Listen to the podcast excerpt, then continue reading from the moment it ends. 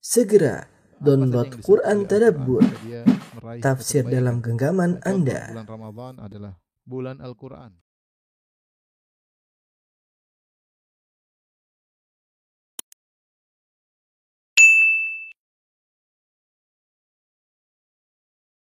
Bismillahirrahmanirrahim.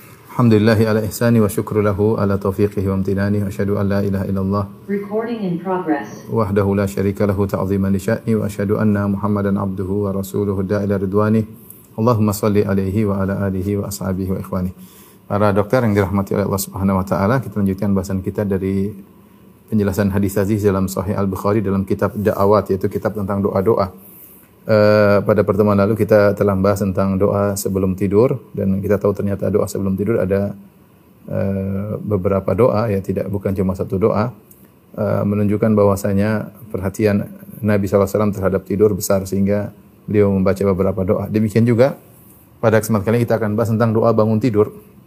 Doa bangun tidur juga diriwayatkan Rasulullah SAW membaca ada zikir tertentu, ada doa tertentu menunjukkan bagaimana perhatian Rasulullah SAW terhadap uh, uh, syariat ya. Selalu mengingat Allah Subhanahu Wa Taala. Begitu bangun tidur yang beliau ingat adalah Allah Subhanahu Wa Taala.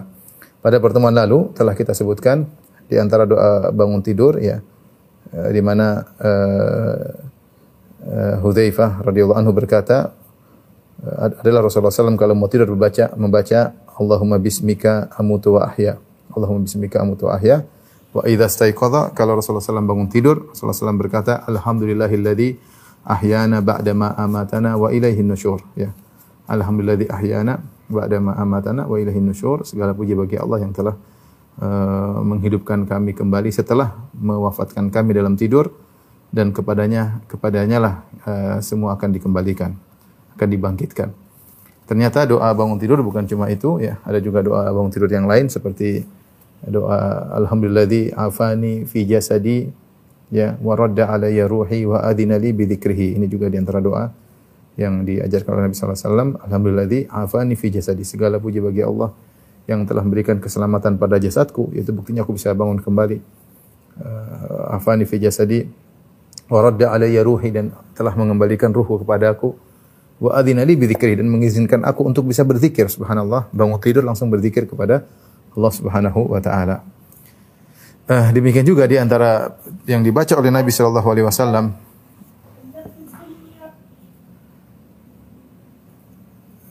yang dibaca oleh Nabi sallallahu alaihi wasallam ketika bangun tidur di antaranya uh, 10 uh, ayat yang terdapat di akhir surat Ali Imran yaitu inna fi khalqis samawati wal ardi wa ikhtilafil laili wan nahari la ayatin li ulil albab alladzina yadhkurunallaha qiyaman wa qu'udan dan seterusnya.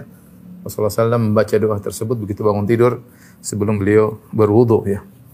Kemudian di antara doa bangun tidur yang akan atau zikir yang dibaca oleh Nabi SAW setelah bangun tidur adalah bab yang akan kita bahas ini itu dari hadis Ibnu Abbas radhiyallahu taala anhuma. Bab yang ke-10 bab doa idzan tabaha minal lail. Bab berdoa ketika terbangun di malam hari. Apa yang diucapkan oleh seorang muslim dan apa yang dicontohkan oleh Nabi sallallahu alaihi wasallam ya. Tadi sudah kita sebutkan alhamdulilladzi ahyana ba'da ma amatana ilayhi nusyur. Demikian juga alhamdulilladzi afani fi jasadi wa radda alayya ruhi wa adna bi dzikrihi. Kemudian tadi 10 ayat di akhir surat Al-Imran, inna fi khalqis samawati wal ard dan seterusnya. Ternyata ada doa-doa yang lain lagi.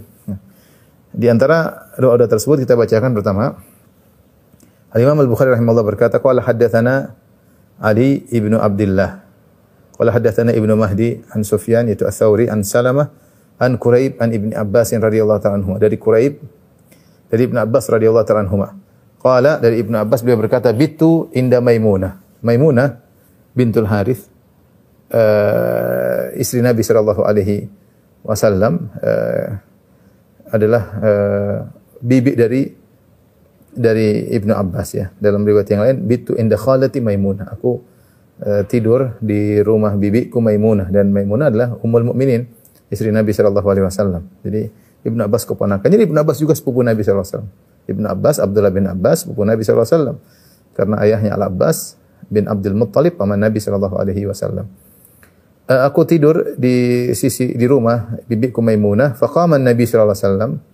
Maka Nabi sallallahu alaihi wasallam bangun fa'ata hajatahu kemudian beliau menunaikan hajatnya. Uh, Faghasala wajhahu. Setelah itu Rasulullah SAW mencuci wajahnya. Wa yadaihi, kemudian mencuci kedua tangannya. Thumma nama uh, ini Rasulullah sebelum tidur ya. Jadi faqama Nabi sallallahu wasallam fa'ata hajatahu Rasulullah sallallahu uh, berdiri kemudian buang hajatnya setelah itu mencuci wajahnya kemudian mencuci kedua tangannya thumma nama kemudian Rasulullah SAW tidur. Kemudian setelah tidur beliau bangun thumma qama fa'atal qirbah. Kemudian beliau tidur, di malam hari beliau pun bangun fa'atal qirbah kemudian beliau mendatangi al-qirbah. Al-qirbah adalah tempat air yang terbuat dari dari kulit. Uh, fa'atlaqa shinaqaha. Kemudian uh, beliau membuka pengikat mulut daripada qirbah tersebut. Wika yaitu ikatan dibuka ya agar air bisa dituangkan ya. Baina wudu'aini lam yukthir ya. Kemudian Rasulullah sallam uh, berwudu ya dengan uh, sebuah wudu di antara uh, dua wudu yaitu ada yang mengatakan Rasulullah sallam tidak tidak wudu yang singkat dan juga tidak wudu yang panjang. Ada yang mengatakan wudunya uh, mungkin bukan sekali-sekali tapi dua kali di antara satu dan dan tiga. Tapi ada ada yang mengatakan juga Rasulullah SAW berwudu tiga kali tapi dengan air yang uh, sangat sedikit yaitu wudu di antara ya. Saya bacakan uh, perkataan Ibnu Hajar tapi kita lanjutkan dulu. Uh, walam yukthir waqad ablaq waqad ablaq. Jadi beliau wudu di antara dua model wudu tidak ber, tidak memperbanyak tetapi sempurna wudunya. Kata Ibnu Hajar rahimahullahu taala ya. Uh, bisa jadi Rasulullah SAW sedikitkan airnya tetapi tetap menjaga tiga kalinya sehingga tetap tetap airnya sedikit dikurangi lagi tidak seperti biasanya. Atau airnya seperti biasanya tapi tidak sampai tiga kali mungkin dua kali atau sekali. Sehingga beliau berwudu di antara dua wudu tidak bukan satu-satu dan juga tidak sempurna sekali seperti biasanya tiga kali dengan air yang cukup. Ditafsirkan dengan dua tafsiran Ibnu Hajar rahimahullah kalau bukan airnya dikurangi tetapi tetap tiga tiga kali atau air seperti biasa tetapi wudhunya dua kali, tidak sampai tiga kali. Makanya uh, beliau berwudhu di antara dua model wudhu. Uh, kemudian uh, fasalla. Kemudian Rasulullah SAW pun uh, salat. Ya. Rasulullah pun salat. Fakumtu, aku pun bangun. Fatamattaitu karahiyata an yara anni kuntu attaqihi. Aku pun bangun, setelah itu aku apa bahasa Indonesia kalau mm, gini, mulut ya apa? Eh, mulut ya. Ya aku melakukan seperti itu uh, supaya tujuannya apa? Supaya Nabi menyangka bahwasanya aku tidak memperhatikan beliau, bahwasanya aku baru saja bangun. Biasa kalau orang baru bangun tidur kan uh, apa mulut seperti gitu ya. Ini uh, dilakukan oleh Ibn Abbas uh, dalam riwayat yang lain artaqihi yaitu agar Rasulullah SAW tidak menyangka aku memperhatikannya ya. Ya, dia tidak enak sama Nabi Shallallahu Alaihi Wasallam. Jadi dia sengaja memperlihatkan seakan-akan dia baru bangun bangun tidur. Uh, Fatawaddatu kemudian aku berwudu. Faqama yusalli. Rasulullah SAW pun salat malam. Uh, Ibn Abbas fakumtu an yasarihi kemudian aku pun nimbrung ikut bermakmum di sebelah kirinya. Jadi Rasulullah SAW salat, Ibn Abbas datang ke sebelah sebelah kiri beliau, persis sejajar. Ya. Fa akhadha bi udhuni fa adarani an yaminihi. Kemudian beliau memegang telingaku dan beliau mutar aku ke sebelah kanan. Mutar mungkin mutar sebelah kanan jadi dipindahin ke sebelah kanan sejajar dengan Nabi sallallahu alaihi wasallam ya. Fatatamat salatuhu 13 rakaah. Maka Rasulullah SAW pun salat malam ketika itu 13 rakaat. Thumma taja'a, kemudian Rasulullah SAW berbaring seperti kebiasaan beliau menunggu azan subuh sebagaimana kita jelaskan pada pertemuan lalu. Fanama, Rasulullah SAW pun tidur menunggu azan subuh. Hatta nafakha sampai ter, terdengar suara ada suara apa namanya seperti hembusan. Bukan mendengkur tapi ada suara ada suara hembusan.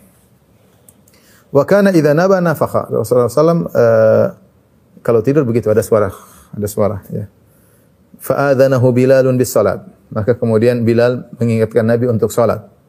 Fa shalla wa lam yatawadda. Kemudian Rasulullah SAW langsung salat tanpa berwudu Rasulullah SAW langsung salat tanpa uh, berwudu. Wa kana yaqulu fi du'aihi dan Rasulullah SAW dalam doanya beliau berdoa. Allahumma ja'al fi qalbi nuran. Ya Allah jadikanlah cahaya di hatiku. Wa fi basari nuran dan jadikanlah cahaya di pandanganku. Wa fi sam'i nuran jadikanlah cahaya di pendengaranku. Wa an yamini nuran jadikanlah cahaya di sebelah kananku. Wa an yasari nuran jadikan cahaya sebelah kiriku. Wa fauqi nuran jadikan cahaya di atasku. Wa tahti nuran jadikan cahaya di bawahku. Wa amami nuran jadikan cahaya di depanku. Wa khalfi nuran jadikanlah cahaya di belakangku. Jadi eh, sisi enam sisi, enam arah. Wa ja'alli nuran dan jadikanlah bagiku cahaya. Eh, Qala Quraib, Quraib sang perawi dari Ibn Abbas radhiyallahu taala anhuma. Jadi hadisnya kita riwayat dari Quraib an Ibn Abbas, dari Quraib dari Ibn Abbas. Quraib berkata, "Wa sab'un fit tabut." Dan ada juga tujuh eh, di tabut. Tabut itu semacam sunduk, semacam kotak. Nanti ada pembahasan sendiri. Ada tujuh doa, tujuh permohonan yang tercatat di tabut. Nanti apa maksudnya tabut akan kita jelaskan. Falaqitu rajulan min waladil Abbas.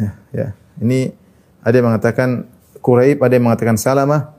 Berkata, aku pun bertemu seseorang dari anak-anak Al-Abbas, fahaddathani bihinna. Ya, kemudian dia menyampaikan kepadaku uh, doa Nabi sallallahu alaihi wasallam tetapi dengan tujuh perkara tersebut yaitu asabi yaitu jadikanlah di uh, de, de, de, apa namanya ototku nuran walahmi atau ya walahmi dagingku uh, nuran cahaya wadami ya atau wadami darahku nuran wa sya'ari dan juga rambutku nuran wa basyari dan kulitku uh, nuran wa dzakara khoslatain dan uh, walad Al-Abbas ya anak dari Al-Abbas tersebut menyebutkan juga dua perkara yang lain ya. Jadi uh, di sini Rasulullah SAW yang diriwayatkan dari Quraib yaitu doa Nabi SAW ya Allah jadikanlah pada hatiku jadi hati pada hatiku cahaya kemudian pada penglihatanku pada pendengaranku kemudian uh, ya hatiku penglihatan pendengaran setelah itu uh, enam, enam, enam arah ya enam arah dari kanan, kiri, kemudian uh, kanan kiri, kemudian atas, bawah, depan, belakang. Kemudian jadikanlah aku, jadikanlah bayiku cahaya. Ini sepuluh. Sepuluh. Minta cahaya pada sepuluh perkara. Ternyata Quraib uh, mengatakan ada lagi tujuh. Tujuh tersebut yaitu tambahan. Uh, asabi yaitu pada sarafku cahaya, pada dagingku cahaya, pada darahku cahaya, pada rambutku uh, cahaya ya. Kemudian pada kulitku cahaya dan juga ada dua yang lainnya. Sehingga kalau kita total sudah 10 tambah 7 uh, 17 ya. Baik. Kita akan jelaskan makna hadis ini insyaallah uh, doa tentang meminta cahaya tersebut. Para dokter yang mati Allah Subhanahu wa taala, doa ini ya disebutkan dalam uh, hadis kata Ibnu Abbas radhiyallahu taala wa kana yaqulu fi du'aihi. Adalah Nabi wasallam berdoa dalam doanya. Jadi doanya panjang. Kemudian di antara doanya ini. Nah, doa ini Rasulullah SAW baca kapan? Allah maj'al Allah maj'al fi qalbi nuran fi basari nuran fi sam'i nuran wa an yamini nuran wa yashmali nuran min fawqi nuran tahti nuran amami nuran wa an khalfi nuran wa min khalfi nuran wa ja'ali nuran.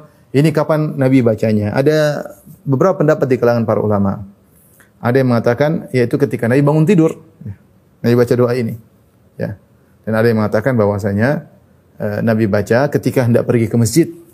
Ketika hendak menuju masjid maka baca doa ini. Ketika berjalan menuju ke tempat sholat baca doa ini.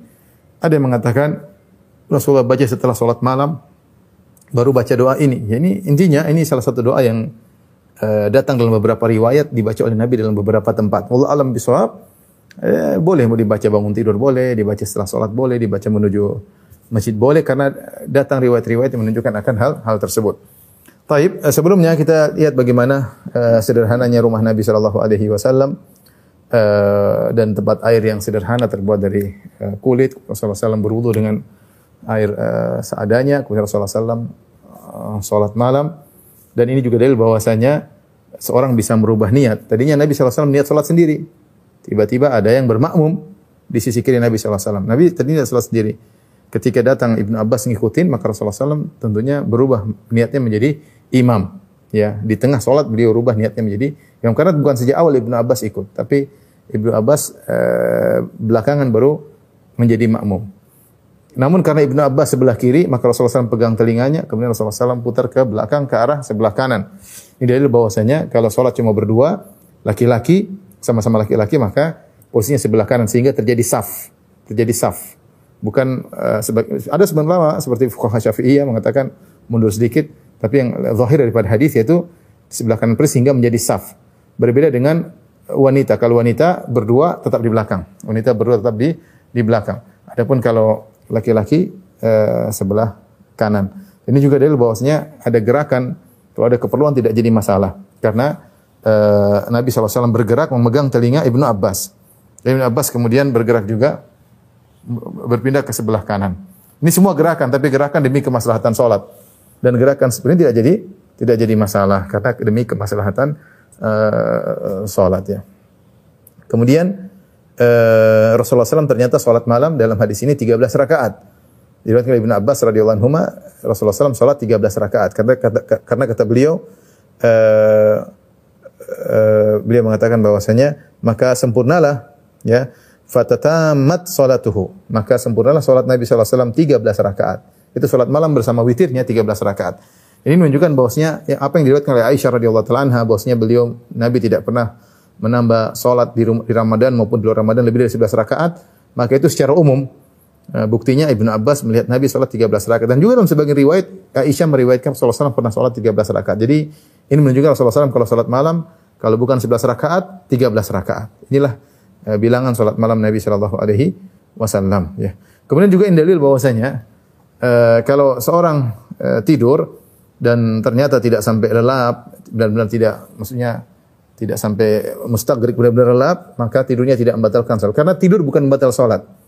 Uh, tetapi tidur itu kata para ulama mazinnatu al hadas yaitu rawan terjadi hadas. Kenapa kalau orang sudah tidur lelap uh, dia buang angin tidak sadar. Makanya disebut al ainan wika usih ya. Bahwasanya uh, kedua mata adalah pengikat dubur. Artinya kalau mata sudah terlepas maka bisa saja dubur mengeluarkan angin tanpa disadari. Jadi tidur itu sendiri bukan pembatal sholat, tetapi tidur itu adalah madhinatul hadas, uh, kondisi yang rentan untuk seorang berhadas tanpa dia sadari. Makanya para ulama membedakan model tidur bagaimana yang membatalkan sholat. Ya, bukan setiap tidur membatalkan sholat tidak. Maka ada khilaf di kalangan para ulama yang mengatakan kalau dia tidur dalam kondisi duduk, dalam kondisi sujud maka tidak membatalkan. Tapi kalau tidur dalam ter ter terbaring maka tidak membatalkan. Tapi di sini Nabi SAW tidur dalam kondisi ittaja, berbaring. Berbaring di atas lambung kanan beliau. Pendapat yang lebih kuat Allah alam bisawab. Kalau tidurnya masih tidur-tidur kata orang tidur-tidur ayam ya, hanya tidur mungkin ada suara, mungkin ada ngorokan tapi tidak sampai lelap.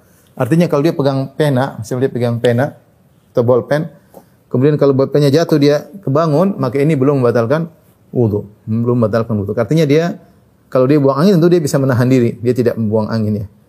Uh, atau seperti kalau dia lagi tidur ada ngorok tapi kalau kita gini langsung dia bangun menunjukkan dia belum batalkan belum batal wudhunya. Tapi kalau dia sudah mimpi, udah pergi ke mana, sudah oh, udah mimpi ketemu sana, udah ngorok, udah air, udah batal, udah batal. Karena seandainya dia buang angin dia tidak sadar, dia tidak akan sadar. Maka tidak semua tidur membatalkan wudhu. Wallahu alam bisawab. Karena di sini Nabi SAW tidur bahkan terdengar suara namun tidak membatalkan wudhu Nabi Shallallahu Alaihi Wasallam. Eh, dan dalam riwayat yang lain juga ada para sahabat menunggu eh, Rasulullah SAW keluar salat isya sampai kemalaman dan terdengar suara dengkuran dari sebagian sahabat dan kemudian diikomatkan salat dan mereka tidak berwudu mereka langsung salat sehingga dari sini kita tahu bahwasanya bukan sekedar wudu wudu tidak langsung batalkan eh, tidur tidak langsung batalkan wudu tapi tidur adalah madhinatul hadas rawan terjadi hadas yaitu keluarnya uh, buang angin tanpa disadari. Dalam hadis disebutkan al ainani wika usih bahwasanya kedua mata adalah pengikat dubur. Jika kedua mata lelap maka ikatan tersebut bisa lepas tanpa di, disadari. Wallahu alam bisawab ya. kemudian kita masuk fokus pada babnya itu bab doa idzan tabaha minal lail. Idzan tabaha bil lail. Bab doa ketika bangun di malam hari. Zahir dari hadis ini dari hadis ini bahwasanya zahir dari judul bab yang dibuat oleh Imam Al-Bukhari bahwasanya doa ini dibaca ketika bangun tidur.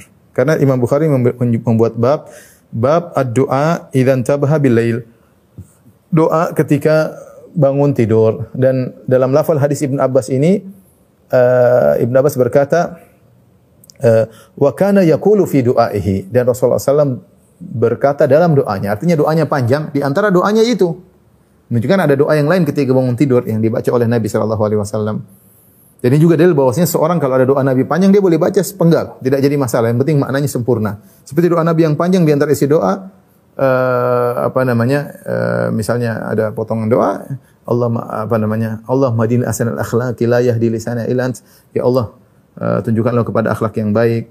Tidak ada yang beri petunjuk kepadaku kepada akhlak yang baik kecuali Engkau. Jauhkan aku dari akhlak yang buruk. Ini doa adalah potongan dari doa yang yang panjang. Seperti doa uh, as'aluka ladzatan nadhri ila wajhikal karim. Aku mohon kelezatan mandang wajahmu yang mulia. Ini juga potongan dari doa yang panjang.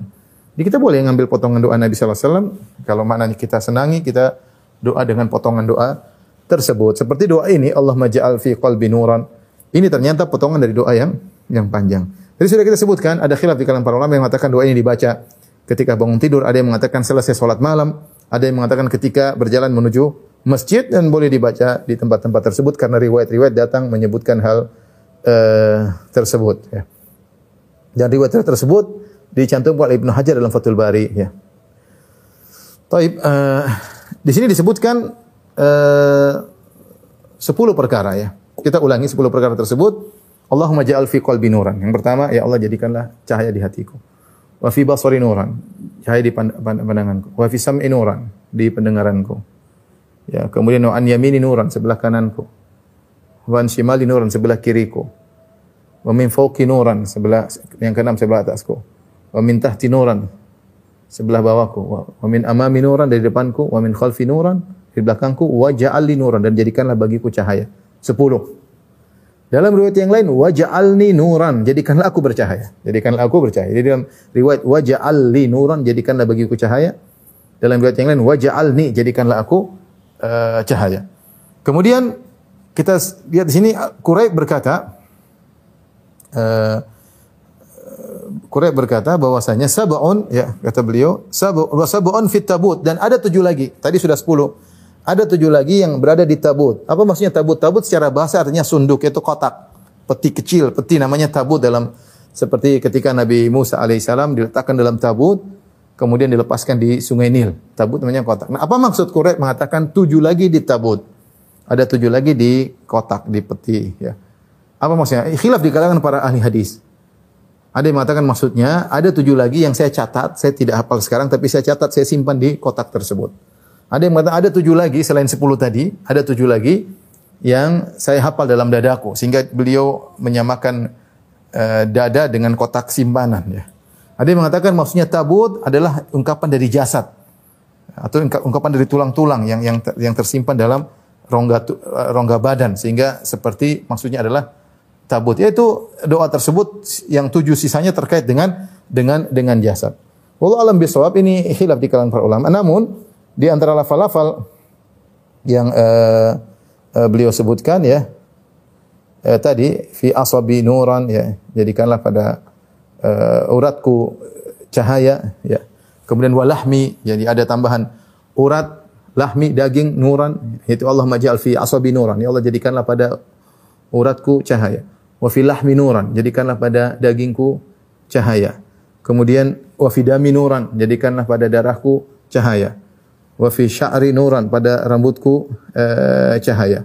Kemudian wa basyari nuran, pada kulitku ada cahaya. Ada dua lagi, di sini ada khilaf juga di kalangan para ulama. Dua lagi tambahan apa sehingga tujuh.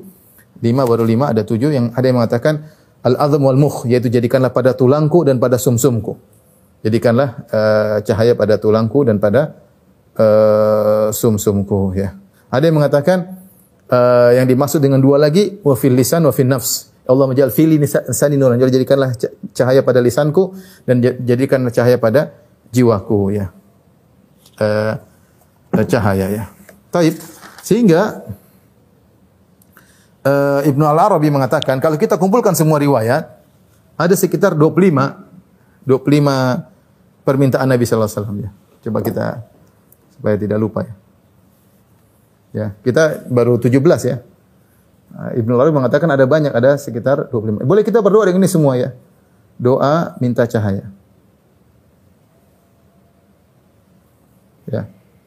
Yang pertama, ya, Allahumma Allahumma ja'al fi qalbi nuran. Allahumma ja'al fi qalbi nuran. Yaitu jadikanlah pada pada hatiku cahaya. Kemudian yang kedua wahi basri nuran. Basri nuran. Pada pandanganku. Pandanganku cahaya. Ini yang kedua. Saya tuliskan dulu yang ketiga. Wa fi sam'i pada pendengaranku. Kemudian yang keempat uh, an yamini an yamini dari kananku yang ke satu dua tiga empat. Kemudian yang kelima an shimali. Dari kiriku. Kemudian yang keenam min fawqi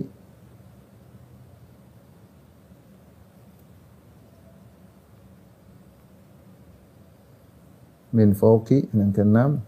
Kemudian yang ketujuh min tahti. Terus kita lanjut. Yang kedelapan. Min tahti uh, min fawqi min tahti amami khalfi min amami. Sembilan min khalfi. Kemudian sepuluh. Waja'alli nuran. Waj'alli nuran. Tapi kita artikan ini, ini yang dalam hadis Ibnu Abbas ini ya. Pada pandanganku, pendengaranku, pendengaranku. Yang ketiga, yang ke ini dari kananku. Kananku, kemudian kiriku, cahaya, kemudian atasku, bawahku, kemudian depanku, Kemudian khalfi belakangku. Kemudian bagiku cahaya. Jadikanlah bagiku cahaya. Baik, ini semuanya adalah 10. Terus kata Quraib, ada lagi 7, tambahan 7. Ada lagi tambahan 7. 11. Tadi fi asobi uratku. Kemudian 12 lahmi. Dagingku kemudian 13 dami ke-14 uh, tadi uh, sya'ri ya. rambutku.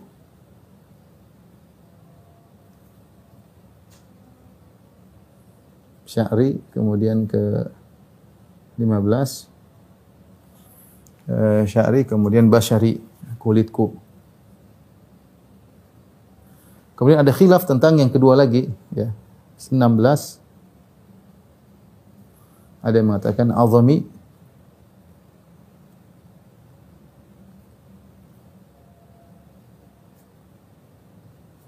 azami tulangku kemudian ada yang mengatakan ke 17 muhi Muhi. Muhi ya. Muhi. Itu sumsumku. Tapi kita terjemahkan asabi, uratku. Dagingku, daging. Kemudian darah. Kemudian rambut. Kulit. Tulang. Kemudian sumsum. Ini masih 17 ya. Ada riwayat yang lain sampai 25. Ada tambahan tadi kita sebutkan lagi, apa lagi tadi? Ibnu Hajar menyebutkan di antaranya ada uh, lisani, lisanku. Lisanku, kemudian ada lagi nafsi, jiwaku. Ya. Lisan, jiwa ya. 19 ya. Ada lagi riwayat waja'al ninuran, jadikanlah aku cahaya. Ini uh, Nomor 10 ini bisa juga kita tambahin 20. Dalam riwayat yang lain waja'alni nuran. Jadikanlah aku cahaya.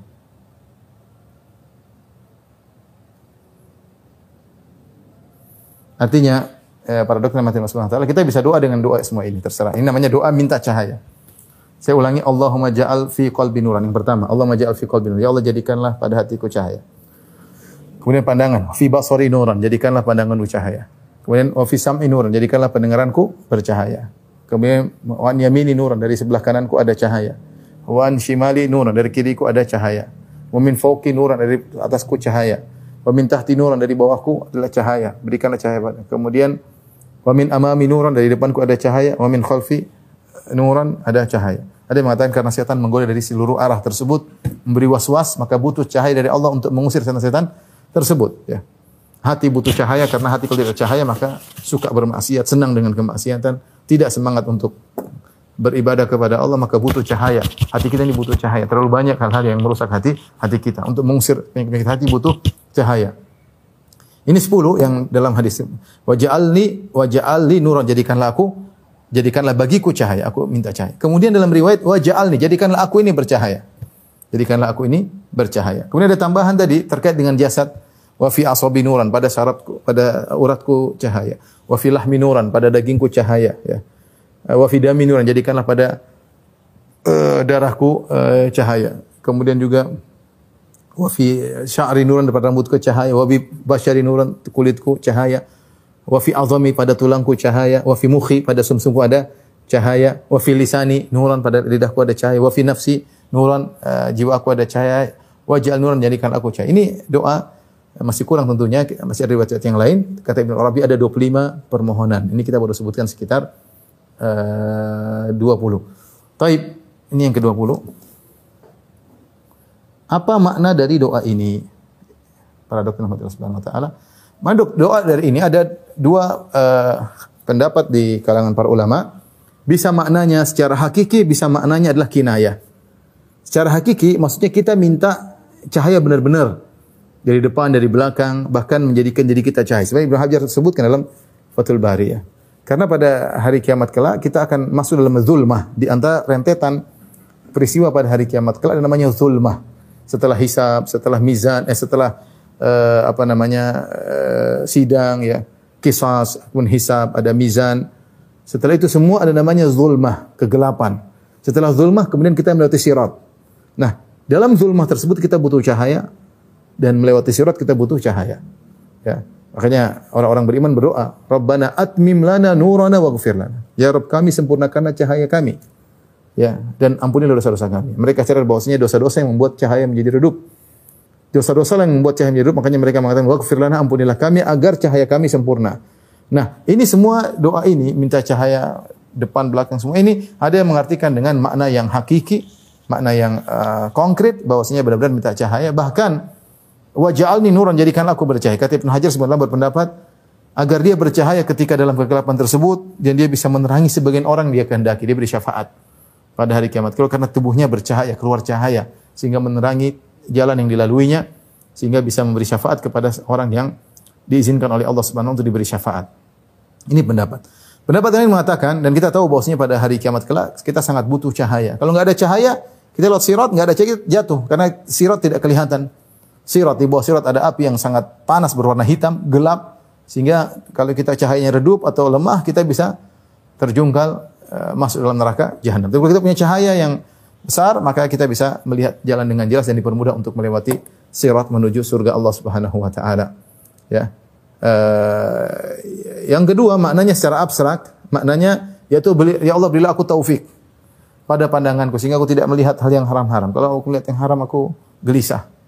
Ya beli, beli, beli cahaya pada pendengaran sehingga aku tidak betah untuk melihat yang ya, yang mendengar yang haram-haram ya. Aku tidak betah pada lisanku semuanya, pada lisanku ya sehingga aku tidak apa namanya berucap kecuali yang baik ya pada jiwaku. Ini adalah kinayah agar uh, Allah memberi memberi uh, hidayah, memberi taufik. Dan ini uh, sebagaimana disinggung dalam firman Allah Subhanahu wa taala surat Az-Zumar ayat 22, "Fahuwa ala nuri mir rabbih." Orang beriman itu beratas orang beriman itu di atas cahaya dari Rabbnya. Ya, kemudian juga dalam ayat yang lain surat Al-An'am kata Allah wa ja'alna lahu nuran yamshi bihi fin nas. Allah jadikan baginya cahaya yang dengan cahaya tersebut dia berjalan di tengah-tengah manusia, di tengah-tengah masyarakat ya. Jadi maksudnya adalah diberi cahaya, diberi taufik sehingga dia bisa terbimbing ke mana pun dia dia pergi. Kemudian tadi yang sisi enam tadi maksudnya adalah untuk menghalangi waswas syaitan yang setan menggoda dari banyak banyak sisi. Taib. Kita lanjutkan eh, berikutnya ya. Tadi doa eh, ketika terbangun di malam hari. Kemudian hadis berikutnya hadis yang sama dari Ibnu Abbas radhiyallahu taala anhuma Imam Bukhari berkata qala hadatsana Abdullah bin Muhammad qala hadatsana Sufyan sami'tu Sulaiman bin Abi Muslim an Tawus an Abbas dari Ibnu Abbas radhiyallahu anhuma kana Nabi wasallam idza qama min al-laili tahajjada adalah Nabi wasallam kalau bangun tidur di malam hari ingin bertahajud tahajud adalah salat malam yang yang dikerjakan setelah bangun tidur setelah tidur kemudian bangun namanya tahajud kalau seorang salat malam tanpa tidur tidak dikatakan tahajud, tapi salat malam, salat malam. Tentu yang terbaik adalah tidur dulu sesuai dengan sunnah Nabi sallallahu alaihi wasallam. Makanya Allah mengatakan, "Ya ayyuhal muzammil qumil laila," wahai yang bersimut bangunlah. Setelah tidur kemudian terbangun melawan rasa kantuk, kemudian ber, beribadah kepada Allah lebih seger dan lebih khusyuk. Beda dengan orang yang begadang. Tapi boleh dua-duanya. Rasulullah SAW ketika bulan Ramadan Rasulullah SAW begadang ya. Salat di awal ya. Rasulullah SAW salat dari di awal malam tidak tidur dulu tapi intinya kalau sehari-hari biasa kita berusaha tidur dulu bangun sehingga lebih lebih khusyuk dan lebih afdal karena itulah sunnah Nabi wasallam ketika salat malam di luar bulan Ramadan ya. Karena idza idza qama min al-lail yatahajjad Rasulullah SAW kalau bangun tidur uh, untuk bertahajud. Qala Rasulullah SAW berdoa Allahumma lakal hamdu anta nurus samawati wal ardi. Ya Allah bagimu segala pujian. Engkaulah cahaya bagi langit dan bumi. Wa man fihin. Dan juga siapa yang berada di langit dan bumi tersebut. Walakal hamdu anta qayyimus samawati wal ard. Bagimu pujian ya Allah segala pujian hanyalah milikmu. Anta qayyimus samawati wal ard. Engkau adalah pengurus atau penegak langit dan bumi. Wa fihin. Dan semua yang berada di langit dan bumi engkau yang menegakkan mereka walakal hamdu antal haq. Dan bagimu segala pujian antal haq dan engkau adalah yang maha benar. Wa wa'dukal haq dan janjimu benar. Wa qauluka haq dan firmanmu adalah benar. Wa liqa'uka haq dan pertemuan denganmu adalah suatu ke- ke- keniscayaan. Wal jannatu haq dan surga adalah benar adanya. Wan naru haq dan neraka benar adanya. Wa sa'atu haq dan hari kiamat benar adanya. Wan nabiyyuna haq dan para nabi di atas kebenaran. Wa muhammadun haq dan Muhammad sallallahu alaihi wasallam juga benar Allahumma laka aslamtu. Ya Allah kepada engkau lah aku menyerahkan diriku. Wa alaika tawakkaltu dan kepada engkau lah aku bertawakal wa bika amantu kepada engkau lah aku beriman. Wa ilaika anabtu kepada engkau lah aku kembali. Wa bika khasamtu dengan pertolonganmu aku melawan musuhku. Wa ilaika hakamtu kepada engkau lah aku berhukum. Faghfir li ma qaddamtu wa ma akhartu. Ampunilah dosa-dosaku yang telah lalu maupun yang akan datang. Wa ma asrartu wa ma a'lantu dosa yang aku lakukan secara diam-diam dan aku tampakkan. Antal muqaddim wa antal muakhir. Engkau lah yang memajukan dan engkau lah yang mengundurkan yang memundurkan la ilaha illa anta. Ya tidak ada yang berhak disembah kecuali engkau. Ini doa kapan dibaca? Ketika bangun malam. Ya subhanallah. Allahumma antas sam anta nurus Allahumma lakal uh, apa doanya? Uh, Allahumma lakal hamdu. Ya Allah segala puji bagimu. Anta nurus samawati wal ard wa man fihinna wa lakal hamdu. Anta qayyimus samawati wal ard wa man fihinna uh, wa lakal hamdu. Kemudian Allahumma uh, antal haq wa wa'duka haq kemudian wa qauluka haq wa liqa'uka haq wal jannatu haq wan naru haq wan nabiyyuna haq wa Muhammad sallallahu alaihi wasallam haq wa sa'atu haq ya. Kemudian Allahumma laka aslamtu wa bika amantu wa alaika tawakkaltu wa bika khasamtu wa ilaika hakamtu faghfir lima qaddamtu wa ma akhartu wa ma asrartu wa ma alantu wa ma anta alamu bihi minni antal muqaddim antal muakhir la ilaha illa anta. Ini doa kalau kita bisa hafalkan bagus ya. Bangun tidur kita doa ini ya, doa kita harus ingat Allah dan menunjukkan pengakuan kita kepada Allah Subhanahu wa taala. Tapi kita jelaskan makna doa ini. Yang pertama, uh, Allahumma lakal hamdu, ya. Ya Allah, kepada Engkau lah segala pujian, ya. Jadi Allah Subhanahu wa taala dia yang berhak untuk dipuji dari segala sisi, ya.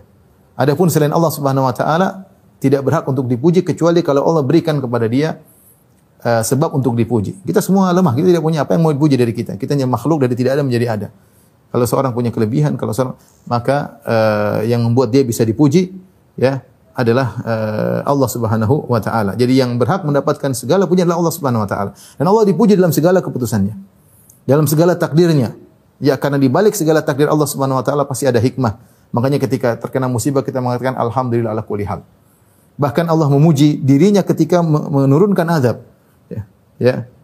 Faquti faquti adabirul ladzina zalamu walhamdulillah rabbil alamin. Maka hancurlah orang-orang yang zalim segala puji bagi Allah memuji dirinya ketika Allah menghancurkan orang-orang yang zalim dengan memberi adab kepada mereka. Karena di balik adab tersebut ada pujian bagi Allah Subhanahu wa taala. Allah memuji dirinya. Alhamdulillahilladzi khalaqas samawati wal ardi segala puji bagi Allah menciptakan langit dan bumi. Ya. Alhamdulillah fatiras samawati wal segala puji bagi Allah yang yang menciptakan langit dan bumi, menjadikan malaikat. Allah memuji dirinya dalam segala hal, ya. Dan segala ketetapan Allah semuanya terpuji. Ya, ini dan dia yang berhak dipuji. Anta nur samawati wal engkau lah eh, cahaya langit dan bumi dan apa-apa yang ada di antara keduanya. Dan bagi engkau pujian. Anta qayyimus samawati wal ard. Engkau lah yang menegakkan langit dan bumi. Yang mengurus langit dan bumi adalah Allah Subhanahu wa taala. Yang mengurus kita semua adalah Allah Subhanahu wa taala. Dialah Al-Qayyum yang tidak ada yang bisa tegak kecuali Allah yang menegakkan. Kalau Allah tidak menegakkan dia maka uh, dia akan jatuh dan tersungkur. Ya, afaman huwa qaimun ala kulli nafsin bima kasabat. Ataukah Allah yang mengurus semua jiwa dengan apa yang dilakukan oleh jiwa tersebut. Allah ini mengurus kita secara detail. Semua kita diurus secara detail, ya. Masing-masing tidak ada yang luput dari pengurusan Allah Subhanahu wa taala. Allah tidak hanya mengurus langit, Allah tidak hanya mengurus bumi, Allah tidak hanya mengurus, malaikat. Allah tidak hanya Allah mengurus semua bahkan kita bahkan hewan-hewan semuanya Allah Al-Qayyum yang membuat mereka bisa tegak adalah Allah Subhanahu wa taala. Kemudian uh, antal haq. Allah adalah maha benar dan janji Allah wa'dukal haq. Kalau Allah janji akan ada surga, akan ada kemenangan bagi orang beriman, akan ada kebahagiaan ini semuanya benar. Wa qawlu haq wa qawluka haq dan firman Allah semuanya benar. La ya'tihil batilun baini yadihi min khalfih. Tidak ada kebatilan yang bisa masuk dalam Al-Qur'an. Semuanya benar. Lau kana min indi ghairillahi lawajadu fi ikhtilafan katsira. Kalau seandainya Al-Qur'an bukan dari sisi Allah, maka kalian akan dapati banyak kontradiktif, tapi Al-Qur'an tidak tidak ada, ya. Kemudian uh, waliqa'uka haq dan pertemuan denganmu adalah benar. Kita semua akan bertemu dengan Allah. Innaka kadihun ila rabbika kadihan famulaqih. Wahai manusia sekalian, sungguhnya engkau berusaha dan berusaha dan kau akan bertemu dengan Allah Subhanahu wa taala. Maka perhatikan usahamu, hati-hati, jangan sembarang berusaha. Karena kau akan bertemu dengan Allah dengan baik usahamu tersebut. Kalau usahamu baik, kau akan bertemu dengan Allah dengan cara yang baik. Kalau kau usahamu buruk, kau akan bertemu dengan Allah dengan cara yang buruk. Tapi kau pasti bertemu dengan Allah. Kau pasti ada titik kita semua ber, ngantri bertemu untuk ketemu dengan Allah dan ada waktunya kita bertemu dengan Allah Subhanahu wa taala. Ya. Bahkan dalam suatu hadis Rasulullah SAW mengatakan uh, tidak seorang pun tidak seorang pun dari kalian illa sayukallimuhu rabbuhu laisa bainahu bainahu tarjaman. Tidak seorang pun dari kalian kecuali akan berbicara dengan Allah Subhanahu wa taala, tidak ada penterjemah di antara mereka berdua. Kemudian uh, wal jannatu.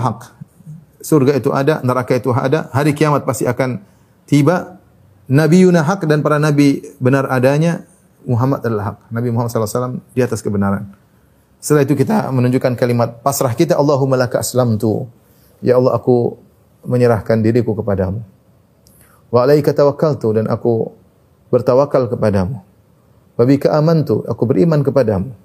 Wa ilaika anabtu kepada engkau aku kembali. Kalau kita berbuat dosa kembali kepada Allah. Kalau kita melakukan sesuatu kita bertawakal kepada Allah. Ya. Kita pasrah kepada Allah. Wa bika khasamtu kalau kita ada bersengketa dengan seorang, kita bersengketa dengan pertolongan engkau ya Allah. Wa ilaika hakam kalau ada permasalahan kita kembalikan kepada engkau. Wa makhtalaftum fihi min syai'in fa hukmu Allah. Apa pun yang kalian perselisihkan, hukumnya kembali kepada Allah Subhanahu wa taala. Fa in tanaza'tum fi syai'in faruddu ila Allah Rasul. Jika kalian berselisih maka kembalikan hukumnya kepada Allah. Kita tidak berhukum kepada selain Allah Subhanahu wa taala. Kita tidak ridha dengan hukum selain Allah. Kita ridha hukum dari Rabbul Alamin. Faghfirli ini semua tawassul dengan keimanan yang kita lakukan yaitu aslamtu wa bika amantu wa alaika tawakkaltu ilaika anabtu wa bika khasamtu wa ilaika hakamtu. Kita bertawasul dengan amal soleh kita dengan iman kita kemudian kita meminta karena kita tahu di antara tawasul yang disyariatkan tawasul uh, dengan doa orang soleh kemudian tawasul dengan nama-nama Allah dan sifat-sifat Allah tawasul dengan amal soleh boleh ini di antara bentuk tawasul dengan amal amal soleh kita sendiri kemudian kita berkata faghfirli maqaddamtu wa ma akhartu minta ampunan kepada Allah secara detail. Ya Allah ampunilah dosa-dosaku apa yang telah aku lakukan dan apa yang akan aku lakukan. Wa ma asrartu apa yang aku lakukan secara diam-diam, dosa yang maksiat ketika tidak orang yang melihat. Wa ma atau dosa yang orang tahu, orang lain tahu kita melakukannya. Antal muqaddim antal muakhir. Engkaulah yang memajukan dan engkau yang memundurkan. Kalau engkau memajukan suatu tidak ada yang bisa memundurkannya. Kalau Allah engkau memundurkan suatu tidak ada yang bisa memajukannya. La ilaha illa ant. Kemudian kita bertawasul lagi dengan eh, kalimat la ilaha illallah dengan sifat-sifat Allah la ilaha illa ant. Tidak ada yang berhak disembah kecuali Engkau ya Allah. Ini doa yang dipanjatkan seorang ketika bangun tidur, dia eh, pasrah dan menunjukkan keimanan kepada Allah ketika bangun tidur. Inilah ikhwan dan akhwat yang hati Allah Subhanahu wa taala yang saya sampaikan. Doa-doa ini doa-doa yang penuh berkah yang diajarkan langsung oleh Nabi sallallahu alaihi wasallam, maka seorang berusaha uh, menghafalkannya dan berusaha mempraktekannya ketika bangun tidur baca doa-doa tersebut. Jadi saya ulangi doa tidur yang sampai saat ini kita pelajari mungkin masih masih ada yang lain tapi di antaranya uh, ahyana ba'da ma amatana wa ilaihin nusyur. Ini yang sering kita hafal. Kemudian juga di antaranya alhamdulillah uh, afani fi jasadi. Segala puji bagi Allah yang telah memberikan keselamatan bagi tubuhku. Wa radda alayya ruhi dan kembalikan ruhku. Wa adzinali bi dan mengizinkan aku untuk masih bisa berzikir ketika bangun tidur. Ini juga kita bersyukur kepada Allah. Di antaranya kita membaca uh, 10 ayat uh, inna fi khalq di, di akhir surat Ali Imran inna fi khalqis samawati wal Kita tidak mesti semua tapi sebagian kita baca kadang ini kadang ini. Kalau bisa semuanya lebih baik. Kemudian uh, di antaranya uh, tadi doa yang kita minta cahaya boleh ya sebagaimana pendapat Imam Bukhari Allahumma ja'al fi qalbi nuran dan seterusnya. Yang tadi ada 10 atau sampai 25 minta cahaya. Yang terakhir tadi Allahumma lakal hamdu anta nurus samawati wal ardi lakal hamdu anta qayyimus samawati wal ardi wa man fihinna hamdu dan seterusnya. Ini di antara doa-doa yang dibaca ketika orang bangun tidur. Begitu bangun tidur yang pertama dia ingat adalah Rabbul Alamin dia. Dia yang terbiasa bangun tidur langsung lihat WA. langsung lihat Nah, kita bangun tidur lihat ingat Allah Subhanahu wa taala. Demikian para dokter, eh, apa yang saya sampaikan mohon maaf segala kekurangan. Eh, insyaallah kita bersua kembali pada kesempatan yang lain. Wabillahi taufiq wal hidayah. Assalamualaikum warahmatullahi wabarakatuh.